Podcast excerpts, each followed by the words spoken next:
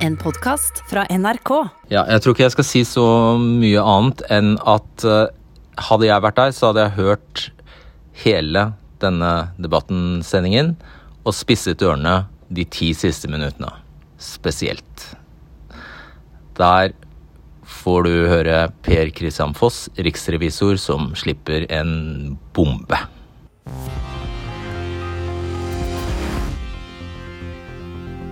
Først fikk vi vite at Stortinget har gitt ut gratis pendlerleiligheter til stortingsrepresentanter som selv har eid leiligheter i og nær Oslo, som de har leid ut. Så fikk vi vite at Stortinget har rådet representantene til ikke å skatte av den fordelen. Og så fikk vi vite at både Stortinget og statsministerens kontor skulle ha betalt arbeidsgiveravgift i alle disse årene, noe de ikke har gjort. Og I kveld skal du få den nokså sjokkerende forklaringen på hvorfor dette rotet aldri har blitt gransket. Vel møtt. Og velkommen Kristin Gjelsvik og Ann Marie Lofthus. Kristin Gjelsvik, Vi kjenner deg som influenser eller påvirker, om du vil. Du er samfunnsdebattant, men i kveld er du her som tidligere gründer. Ja, det stemmer det. Og det er sånn, Vi kommer nærmere tilbake til eh, hva som nøyaktig skjedde, ja. men det er sånn at du i 2017 så gikk du konkurs, og så satt du og ventet på en skatteregning du skjønte ville komme, og da den endelig kom, så viste det seg at den var på 1 million kroner ja. tre år etter. Ja. Det er helt så, Når du har fulgt med på disse sakene om pendlerleilighetene og, og, skatt, eh, hva har du tenkt? Nei, altså, Jeg blir jo ganske provosert, jeg må jo si det. Um, vi, jeg ønsker likhet for loven, rett og slett. Altså At jeg kan få en så enorm uh, straffeskatt, uh, som jeg jo så komme. Men det å se at man kan da snike seg unna på denne måten, jeg syns rett og slett det er skammelig at vi vanlige folk skal bidra med mer til velferdsstaten Norge enn våre folkevalgte stortingspolitikere. Akkurat. Ann Marie Lofthus, eh, du er pendler. Du pendler mellom eh, Du er høyskole, eh, undervist på Høgskolen i Elverum. Ja. Og pendler fra Kongsberg til Elverum. Og De samme politikerne, eller rettere sagt den borgerlige regjeringen, Erna Solbergs regjering, har kuttet kraftig i pendlerfradraget. Vi kommer nærmere mm. tilbake til hvordan det har gått utover din personlige eller privatøkonomi. Men hva har du tenkt når du har sett disse sakene? Nei, jeg Nei, jeg blir vel ganske målløs og ganske, ganske så provosert. Det blir litt uh, bukken og havresekken, det er litt ansvarsfraskrivelse, og det gir i hvert fall ikke noe tillit til de politikerne som sitter på tinget. Du er en av veldig mange tusen pendlere, så jeg er sikker på at mange vil kjenne seg igjen. og Vi kommer tilbake til dere straks. Bli med oss gjennom sendingen, dere to. De siste dagene har Aftenposten avslørt at Stortinget i snart 20 år har rådet stortingsrepresentantene til ikke å skatte av fordelen med gratis pendlerleilighet. Samtidig har statsministerens kontor rådet representantene som ble statsråder, om å skatte av fordelen. Altså det stikk motsatte. En av dem har jo rett, en av dem tar feil. Og den som tar feil, kan dermed ha sørget for at et utall politikere har vært skattesnytere. Til nå vet vi at Kjell Ingolf Ropstad ikke betalte skatt da han hadde stortingsleilighet, mens han ett år betalte skatt da han bodde i statsrådsleilighet. Og vi vet at klima- og miljøminister Sveinung Rotevatn, som for øvrig er i Spania, først ble i stuss som han burde skattet da pressen begynte å spørre. Og den ene som på egen hånd skjønte at hun fikk en skattbar fordel, og faktisk skattet da hun fikk pendlerleilighet av Stortinget, det er Arbeiderpartiets Anette Trettebergstuen. Vegard Vennli, du er gravejournalist i Aftenposten. Hva forteller disse tre sakene oss? De forteller i hvert fall at det har vært en stor forskjell eh, med tanke på hvordan eh, statsministerens kontor og Stortinget har praktisert eh, disse reglene. Og Hva vet vi om hvordan det er mulig? Hva tenker du på da, Fredrik? Hvordan er det mulig at de har praktisert det samme regelverket så forskjellig? Ja, Det er jo spørsmål som vi også eh, har stilt oss. Eh, nå er det jo eh, flere dokumenter som forteller oss at bevisstheten om at statsministerens kontor har forstått reglene riktig, har vært der i veldig mange år. Også hos Stortinget. De har visst det. Stortinget har mottatt en rapport hvor denne praksisen er beskrevet, ja. Ja, og Der er det bl.a. en offentlig utredning fra to, år 2000 som da altså ble påbegynt i 1999, der det står svart på hvitt at statsministerens kontor innrapporterer fordelen av fribolig, inkludert strøm, møblering og trappevask til ligningsmyndighetene for fordelsbeskatning. Og så, med andre ord, Hvis politikerne hadde lest sin egen utredning, så hadde de visst dette her. Hvis Stortinget hadde lest dette, så um, kanskje ikke denne saken hadde fått det omfanget med tanke på beskatning. Kan det sies klarere enn dette her? Føler du? Dette er ganske klart. ja. Eh, det er 127 representanter som har fått dekket pendlerbolig i Oslo bare i denne perioden. Aner vi da noe om hva, eh, hvor mange som opp gjennom disse 18 årene skulle ha betalt skatt? Det Aftenposten har sett på, er eh, først og fremst eh, inneværende stortingsperiode. Um, som det ligger mer her, det er et godt spørsmål. Ja, for Dere skriver at det har vært et renn av representanter til administrasjonen som nå lurer på om de kanskje burde ha skattet. Ja, så Nøyaktig hvor mange som har tatt med kontakt med administrasjonen, det, det vet vi foreløpig ikke, for det har vi fortsatt ikke fått svar på. Og så er det et nytt element som for så vidt kom opp eh, i dag. og det er at Hvis det er skatteplikt, hvis de skulle ha skattet, ja da skulle også Stortinget ha betalt, og SMK ha betalt arbeidsgiveravgift, hvilket de heller ikke har gjort. Og det er brudd på loven, faktisk. Uh, det er flere jusprofessorer som har vært, uh, vært inne på det, ja. og så ble det i kveld kjent at advokatfirmaet Grette vil gjøre en bred skatterevisjon som det heter, av representantenes ordninger. Hva er det dette sa Stortingets administrasjon eh, i kveld? Hva er det vi da ikke får svar på når Grette skal eh, granske? Altså Det den granskingen i hvert fall ikke vil svare på, eh, det er jo hvordan denne si, feiltolkningen har eh, kunnet oppstå i utgangspunktet. Hvordan har det skjedd at eh, statsministerens kontor eh, og Stortinget har praktisert regelverket så eh, forskjellig. Den vil heller ikke gi svar på eh, andre sider ved denne saken, bl.a. om eh, når det gjelder tildelingen av pendlerbolig. altså Hvorfor er, det flere politikere som har, fått tildelt bolig i strid med reglene? Hva er poenget med en gransking, hvis vi ikke får svar på de mest vesentlige spørsmålene? Du må spørre politikerne. Det skulle vi gjerne ha gjort hvis de bare hadde vært her. Eh, foreløpig takk til deg, eh, Vegard Venny. Kommer tilbake til deg aldeles eh, straks. Nå må vi høre litt mer, Kristin Gjelsvik. Hva var det som skjedde da du i 2017 gikk konkurs? Ja, altså Jeg var jo en overambisiøs gründer den gangen. Ønsket å starte en egen business. Klær var jo det jeg skulle drive med. Jeg var klesdesigner og hadde min egen kolleksjon og produserte mine egne klær, rett og slett. Som var jo en kostbar affære. Veldig optimistisk, lite realistisk. sant? Hele den biten der. Og da eh, skjønner man jo at eh, det kan bli litt rot. Eh, og det ble det. Jeg visste egentlig ikke helt hvordan jeg skulle drive business. Jeg var veldig kreativ, men utover det var ikke jeg så veldig god på alt dette med regnskap og den type ting. Det er en ærlig sak. Det er en ærlig sak. Og så får du da naturlig nok skattefutten i hælene, og du skjønte ja. at det lå et krav der. Du ja, skjønte da. det ville komme en dag. Absolutt. absolutt. Og hele denne konkursen, altså jeg hadde jo også outsourcet eh, denne regnskapsjobben. sant? Eh, og man vil jo gjerne i en sånn type situasjon, for det er en ubehagelig situasjon å havne i, du vil jo gjerne legge skylden på noen andre enn deg sjøl. Men når du driver egen business, så er jo det du som sitter sånn til syvende og sist med det fulle og hele ansvaret. Så jeg kan bare skylde på min egen dårlige dømmekraft. rett og slett. Og da regningen endelig kom, etter ja, endelig tre kom. år, skjønner jeg? Ja, tre år tok det, så du lever jo i tre år i litt sånn usikkerhet. Du vet ikke når det skjer, hvor mye beløpet eh, vil være på. Eh, om det skjer på julaften eller på nyttårsaften, ingen vet. Så du lever litt i uvisshet. Ubehagelig. Hm? Ubehagelig. Veldig ubehagelig. Vel, det er jo en mental påkjenning. Og, og så er, er, den regningen på én million, og med dine økonomiske forutsetninger den gangen, hvordan var det å håndtere?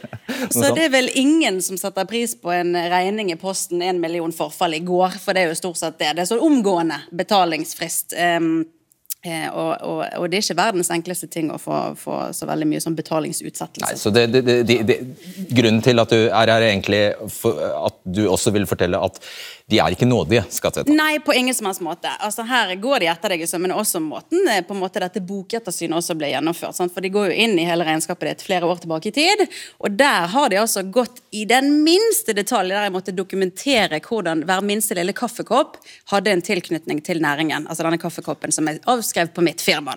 Mm. Og den oppvakte ser, skjønner selvfølgelig hvorfor vi har brakt inn denne historien i kveld.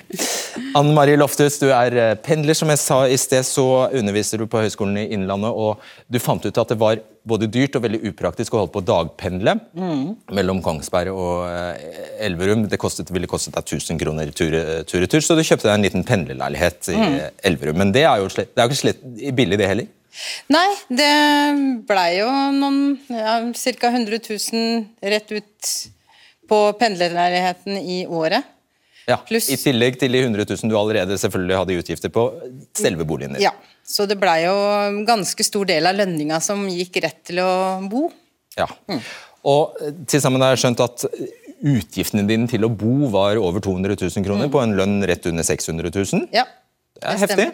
Det er veldig heftig. Og så får du bare pendlerfradrag for 82 000 kroner. Og det er egentlig, Nå kommer vi til årsaken til at du er her. Fordi regjeringen Solberg bestemte da å stramme inn reglene for pendlerfradrag gradvis og stykkevis. På en rekke måter har de gjort det. De har sørget for at skatten på pendlerhybler blir lik skatten på sekundærboliger, som man f.eks. bare leier ut.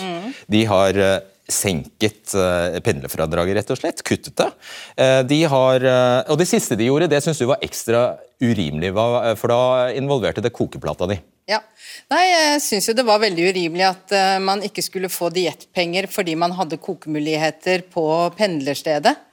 De sa det, altså. Den nye regelen var at hvis du kunne lage mat i hybel- hybelen din, så skulle du ikke få fradrag for diett. Nei, det var, det var regelen. Og det betydde jo også at, man, at det var ganske mange tusen man eh, gikk glipp av som fradrag, da. Hvor mye da? Eh, ja, hvis du kan gange 200-250 kroner med 150 arbeidsdager, så, så er det jo en sum. 30 000-40 000 Ja. har jeg skjønt det kan og For det din del det Ja. veldig mye penger, selvfølgelig. Og vet du hva? Sol Solberg-regjeringen, på dette siste grepet vi snakker om nå, det å fjerne kostfradraget, sparte de 3,5 milliarder kroner. Ja, det var veldig raust. Dere blir med videre. Stortingets president eller presidentskap ville ikke komme hit i kveld. Vi er glad for at eh, Nina Skanke Funnemark, som er direktør i Skatteetaten, er her. Velkommen til deg. Takk. La oss bare oppklare dette. Når skal stortingsrepresentantene skatte? Eh, snakker Av bolig. Av. Ja. ja. Eh, Dette er generelle regler som gjelder for alle. Eh, Og For å starte med de tilfellene hvor du ikke skal skatte, så er det hvis du har to boliger, og du har utgifter til din opprinnelige bolig, og du har gratis bolig fra din arbeidsgiver, da trenger du ikke å skatte. Okay. Men hvis du eh, har to boliger og ikke har utgifter på din opprinnelige bolig og gratis bolig fra arbeidsgiver, da må du skatte på det på lik linje som andre fordeler som du får fra arbeidsgiver. Sånn typisk hvis du har nøkkel til gutterommet og ikke har noen reelle utgifter hjemme hos mor Hvis du ikke har reelle utgifter. Nettopp. Ok, Så det finnes det ingen unntak her? Er det, det er ikke ett sett regler for folkevalgte og ett for oss andre? Dette er regler som gjelder for eh, alle arbeidstakere, alle pendlere. Og sånn at vi bare må ha det invitert seg her. Dersom en folkevalgt har tilgang til pendlerbolig i Oslo, samtidig har vedkommende eh, folkeregistrert adresse i barndomshjemmet, uten å betale for det, så skal vedkommende betale skatt av fordelen ved å ha en gratis pendlerleilighet i Oslo. Starte med å si at det er egne regler for folkeregistrering for eh, stortingspolitikere, bl.a. Men når det gjelder pendlerreglene, så er det like for alle. eh, Enten du, uavhengig av slags, eh, hvilken arbeidsgiver du har, uavhengig av hva slags arbeidsdager du har. Og Da nærmer vi oss mysteriet her, eh, Skanke Funnemark. Fordi Stortingets direktør, hadde hun vært der, så kunne hun ha sagt det selv, Stortingets direktør Marianne Andreassen sier til Aftenposten at de bare har basert seg på råd fra skatteetaten når de har rådet videre stortingsrepresentantene til ikke å skatte i en sånn eh, situasjon. Har dere gitt konkrete råd til Stortinget om at representanter som ikke har utgifter hjemme, ikke skal skatte? Ja. Først og fremst, Vi har mye informasjon på våre nettsider og på våre håndbøker om pendlerreglene. Eh, Og Er det arbeidsgivere som tar kontakt med oss, så veileder vi de så godt vi kan på de reglene som, eh, som gjelder. Og Vi har også gitt generell veiledning til eh, statsministerens kontor og Stortinget om når det er skattepliktig og når det ikke er skattepliktig. Og der sa du det samme som du nå har fortalt oss. Ja.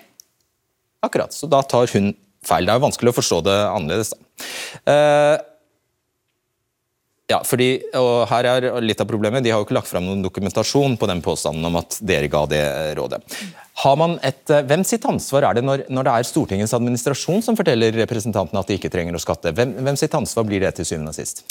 I, et, I hver situasjon og jeg snakker generelt, så er det sånn at arbeidsgiver har ansvar for å innrapportere rikt, riktig, eh, riktig beløp, fordel, som er gitt til sine arbeidstakere. Enten det er lønn, eller det er fri bil, eller det er fri bolig, så skal de innberette det til bare, oss. sånn at for, for at for, det, eh, veldig mange kjenner, kjenner seg igjen her, men hvis du får fordelen av gratis mobil, for eksempel, så skal det bare legges på toppen av lønna. Ja. For det er lønn. Det er lønn. Det er ansett som, lønn eller det er ansett som fordel for lik linje som lønn. Og arbeidstakere, hvilket ansvar har Arbe arbeidstaker har et selvstendig ansvar for å sjekke at de opplysningene som er i skattemeldingen, som kommer fra skatteetaten, at de er riktige. Og så har de et selvstendig ansvar for å korrigere dersom det ikke er riktig. Så de kan ikke skyve Stortinget foran seg?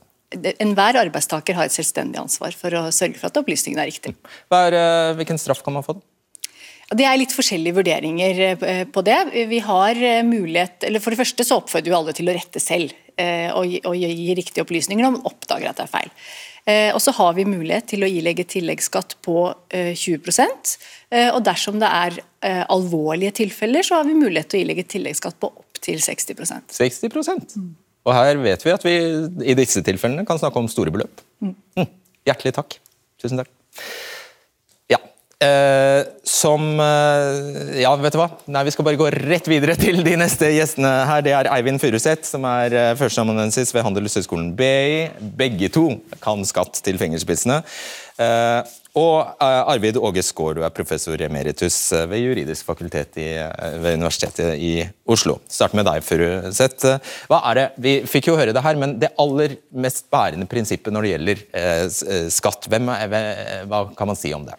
Det, det klare utgangspunktet, som er litt sånn barnelærdom i skatteretten, er jo at eh, når du får en lønn, så kan den bestå enten av penger eller av naturalgoder.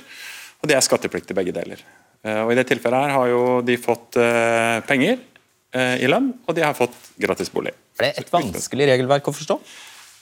Hovedregelen er ikke vanskelig. Det er den ikke. Nei. Så når de får en stortingsleilighet i fanget gratis, så burde de ha, da burde bjellene ha ringt. Ja. Er du overrasket? Ja, litt. Rann, jeg er det, altså jeg må si det. Eh, vi hadde jo en runde på kontoret når det her sprakk på Handelshøyskolen BI, og det var flere som heva øyenbrynene litt. Rann. Hva sa dere til hverandre da? Nei, det var jo litt eh, sjokkerende at det kunne skje. Sjokkerende, faktisk. Du er sitert på det at du, det er, du mener det er helt utrolig at det kunne skje. Ja. Ja.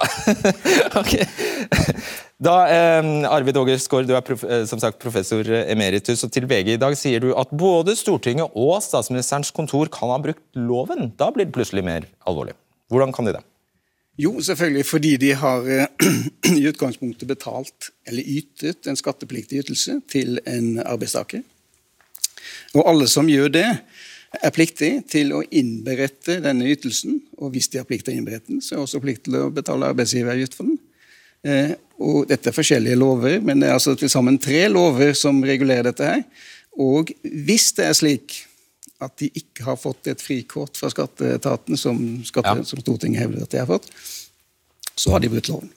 Men selvfølgelig, man kan jo ikke gå etter Stortinget og straffe dem. Stortinget er lovgivende myndighet, så vi straffer ikke Stortinget. Men det er et eh, sidespor, eller et det er et eh, det, er irrelevant. Sikkert ikke en Det- det- ripe verken Stortinget eller SMK er gjerne vil ha. poenget- er at Stortinget har bestemt at slik skal alle gjøre det, Mm. også Stortinget. Ikke sant? Det er jo poenget. Det er derfor vi er her i dag. Det er Stortinget som har bestemt det for oss andre. Eh, Da skal jeg sitere mens du er inne på det. Eh, SMK, SMK, altså Statsministerens kontor, er opptatt av å korrigere feilene som er gjort, og vi vil nå etterbetale arbeidsgiveravgiften som vi skulle ha betalt i 2020. Så det later til at de faktisk eh, skriver i en e-post til oss, og det later til at de erkjenner at de har gjort feil. Og brutt loven, da.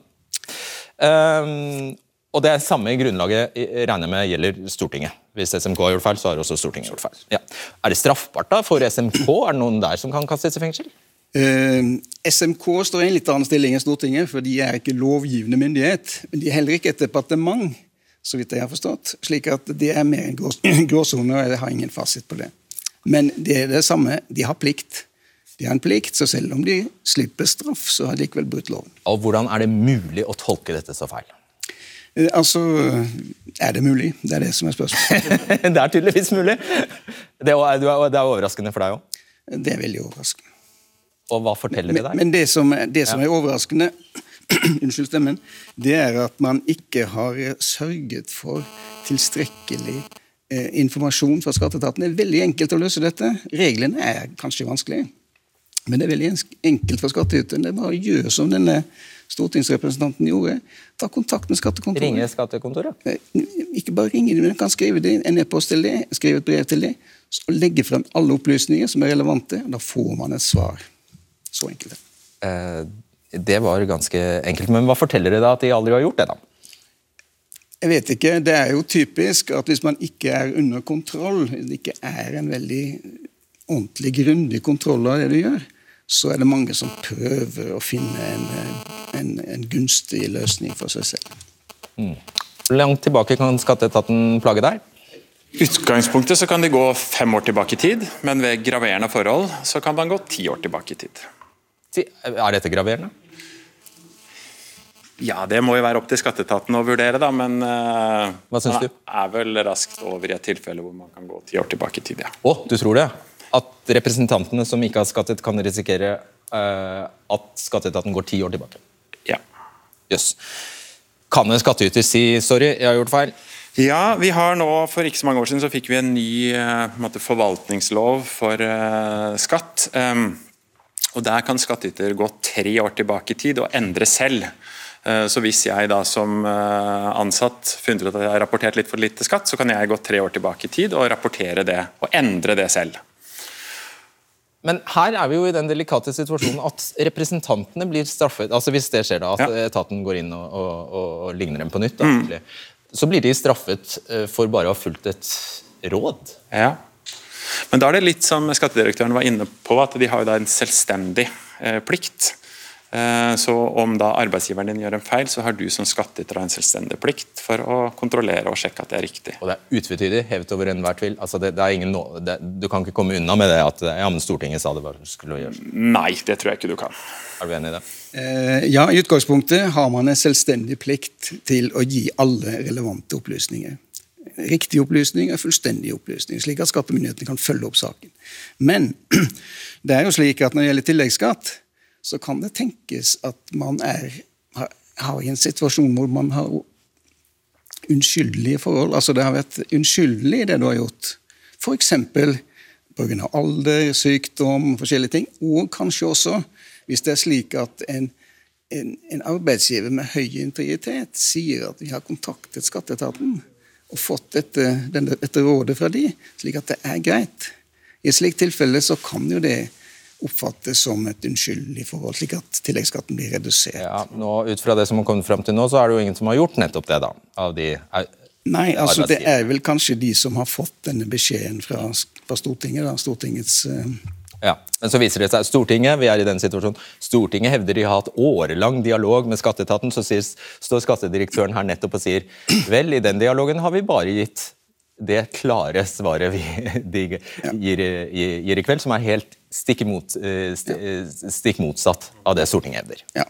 Ja. Men, men eh, jeg bare holder det litt holder det åpent at hvis det skulle være mulig å påvise noe sånt, så ville det kunne være en formildende omstendighet. Ah, okay, da er vi med. Hvis, hvis det er formildende og man ikke kan ilegge tilleggsskatt, da har man bare anledning til å gå fem år tilbake i tid. Ja. Så det styrer også den. Men eh, for å klarere det, eh, klargjøre det, dere snakker om eh, muligheten for å slippe straffeskatt. Uansett så er det store beløp vi kan snakke om her. Hvis jeg har sittet lenge på Stortinget, Ja. hatt leiligheter lenge, Ja. så er det mye skatt.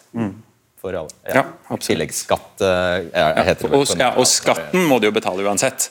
Den du skulle ha betalt, og så kommer noe i tillegg, eventuelt. Takk. Tusen takk skal dere ha. Ja, Stortingets eh, president eller presidentskap ville ikke komme hit. Ingen på statsministerens kontor ville heller komme hit. Og Stortingets administrasjon ved direktøren vil som sagt heller ikke eh, eh, Hun vil heller se debatten på TV enn å være her. Vi har invitert KrF på Stortinget. De vil ikke komme. Kjell Ingolf Ropstads sak er jo kjent nå. Han fikk pendlerleilighet fordi han formelt bodde på gutterommet. For noen år siden ble det kjent at Himanshu Gulati i Frp eide en rekke boliger i og rundt Oslo, samtidig som han fikk stortingsleilighet. Gulati har eh, takket nei. Arbeiderpartiets eh, Tellef Mørland fra Agder eide bolig i Oslo sentrum samtidig som han fikk pendlerleilighet. Dette har Stortinget i ettertid sagt var feil. Ap hadde heller ikke anledning til å stille. Tidligere stortingspresident Olemic Thommessen kjøpte et lite krypinn i Oslo i januar i år. Og da skriver Nettavisen, og da skulle han ha sagt fra om at han eide og brukte en bolig så han skulle etter reglene ikke hatt stortingsleilighet i perioden mellom januar og oktober, angivelig. Også Høyre takket nei til oss. Og SV-nestleder Torgeir Knag Fylkesnes har leid ut en leilighet i Oslo og et rom i huset han bor i i Tromsø, ifølge VG, samtidig som han har hatt gratis stortingsleilighet. Hvilket da VG mener har gitt ham 20 000 kroner i leieinntekter i måneden i seks år, før utgiftene er fratrukket. Ingen i SVs stortingsgruppe var heller tilgjengelige i kveld. Tilbake til deg, Vegard Vennli. Dette er det er et merkelig prinsipp de praktiserer eh, her, nesten, altså for å få gratis pendlerleilighet. Hva er det?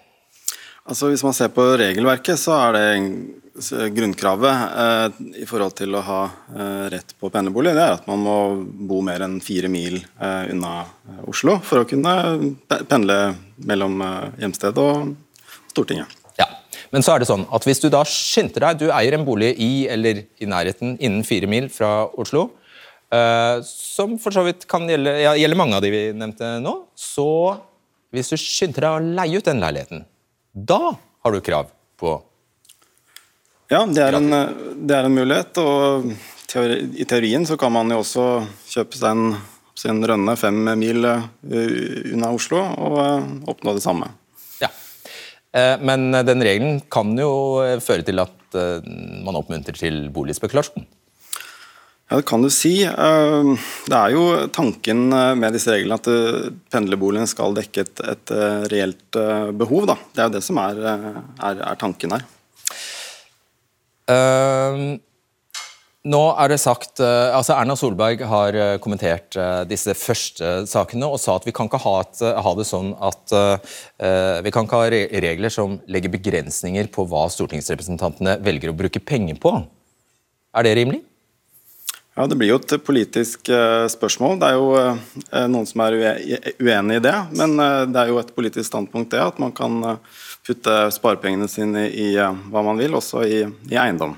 Ja. Og politikere må få lov til det. Nettopp. Og så skriver dere i kveld i Aftenposten Vegard Vennli, at Stortingets vaktbikkje, Riksrevisjonen, ville granske praksisen rundt pendler, pendlerboligene allerede i 2017. Stemmer ikke det? Nei, vent, eh, nå skal jeg eh, altså, Glem årstallet. De ville granske pendlerboligene, men hva skjedde så? Sånn som jeg eh, oppfatter Foss, så sier han at pendlerboligsakene er en type sak som han normalt ville ha gått nærmere inn i. Grunnen til at han likevel ikke gjør det, er fordi at han opplevde at han ble stoppet i 2017. Eh, og at eh, konsekvensen av det er at eh, Stortinget ikke har fått besøk av Riksrevisjonen i forhold til om de etterlever lover og regler de siste fire årene, er det han sier til oss i kveld. Jeg tror han skal få gjenta det til oss i kveld også, for vi har han med. Per Christian Foss, du er riksrevisor og er i Spania. Der er du, hei. Hvorfor har ikke Riksrevisjonen gått inn i pendlerboligsaken? Dere gjør jo, det, Jobben din er jo bl.a. drive regnskapsrevisjon av Stortingets administrasjon. Det er det, og vi har i eh, siden forrige århundre drevet kontroll av Stortingets administrasjons eh, om de følger lover og regler, og om de har internkontroll som er skikkelig osv. Men i 2017 så hadde vi i gang en slik kontroll av Stortinget særlig da knyttet til informasjonssikkerhet. Da ble vi motarbeidet av Stortingets daværende direktør, Børresen. Og eh, så skrev Riksrevisjonens styre samlet brev til Stortingets presidentskap og klaget på dette og sa at det er vår plikt å drive etterlevelsesrevisjon. Altså kontroll av at man etterlever lover og regler i Stortingets administrasjon Dernest hadde vi et møte med Stortingets eh, president og direktør, og fikk da meget klar beskjed at de var uenig i dette.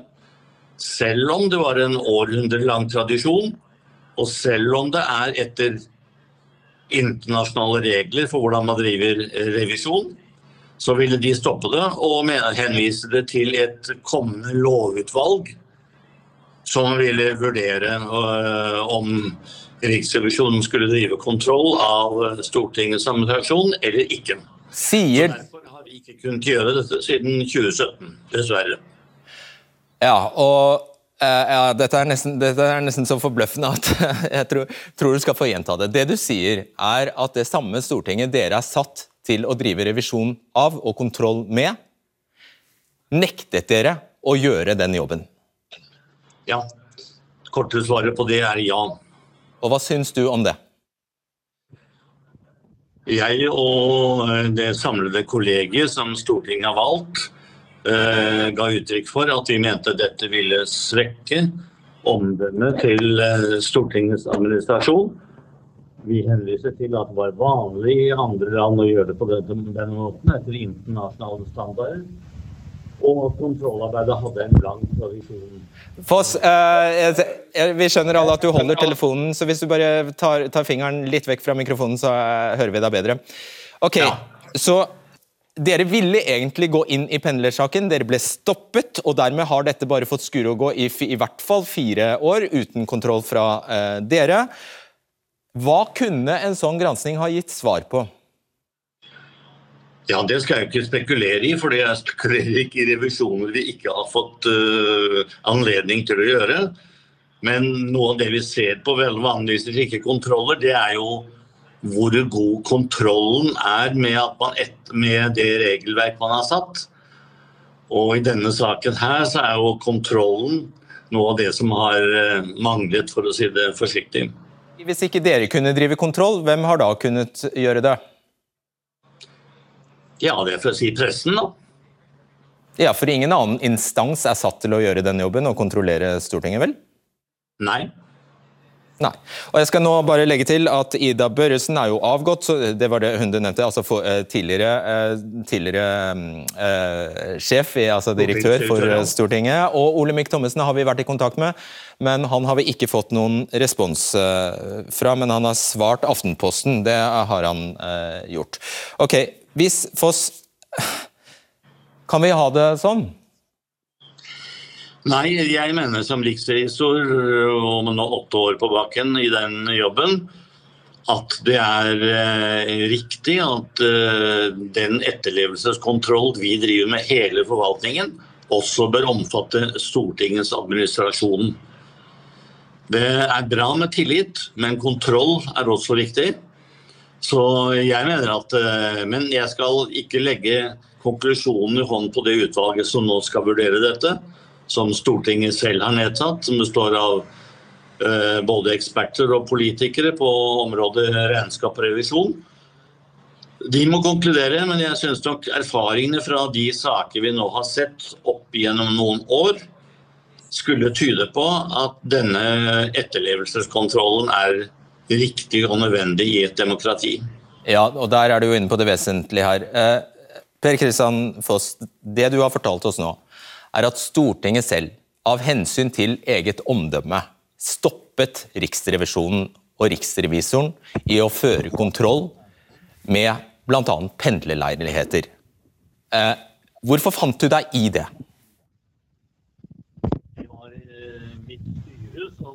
Ja, det, eh, må jeg bare gjenta, nå hører vi deg ikke igjen. Jeg sier at det var mitt styre som trakk den konklusjonen at vi ville ikke utfordre Stortingets presidentskap når de sa så tydelig at de mente at det var eh, manglet lovhjemmel for en slik kontroll, selv om den hadde vært gjennomført eh, fra tidlig forrige århundre.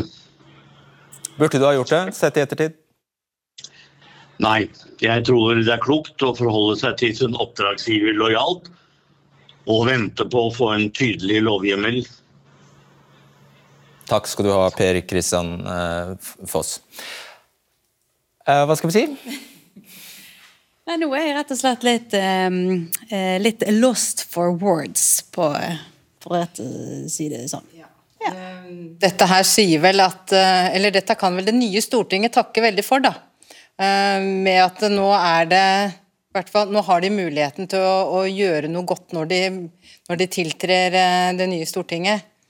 Eh, de behøver ikke å gjenta disse feila som er gjort, tenker jeg. De behøver ikke å sette eget omdømme ja. foran det som er eget omdømme foran etterlevelse av loven? Ja. Er det det du sier? Ja. Og de må faktisk jobbe veldig for å få opp eh, tillit til politikerne og Stortinget igjen. Det er også min konklusjon. Jeg tror du skal få, for det, jeg vet ikke om det var noe nytt i, utover det intervjuet dere gjorde med Foss som kom frem her, veldig kort?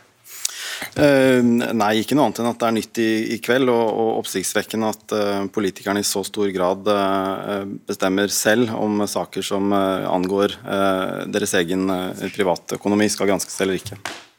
Ja, yes, det var, det Siste ordet er selvfølgelig ikke sagt. Tusen takk skal dere ha. Hvis noen stortingspolitikere hadde møtt opp her, så kunne de ha fortalt at ordningen med pendlerleiligheter er viktig for demokratiet, at den sikrer at ingen politikere får doble husholdningsutgifter, og at den gjør at innvalgte fra hele landet stiller likt. Siden de ikke er her får, til å si det, så får jeg si det. Vi ses torsdag. God kveld. Ja, nei, Jeg er nesten så målløs at jeg tror bare jeg avslutter podkasten uh, her og nå. Uh, som sagt, vi er tilbake på torsdag. Ha det. Du har hørt en podkast fra NRK. Hør flere podkaster og din NRK-kanal i appen NRK Radio.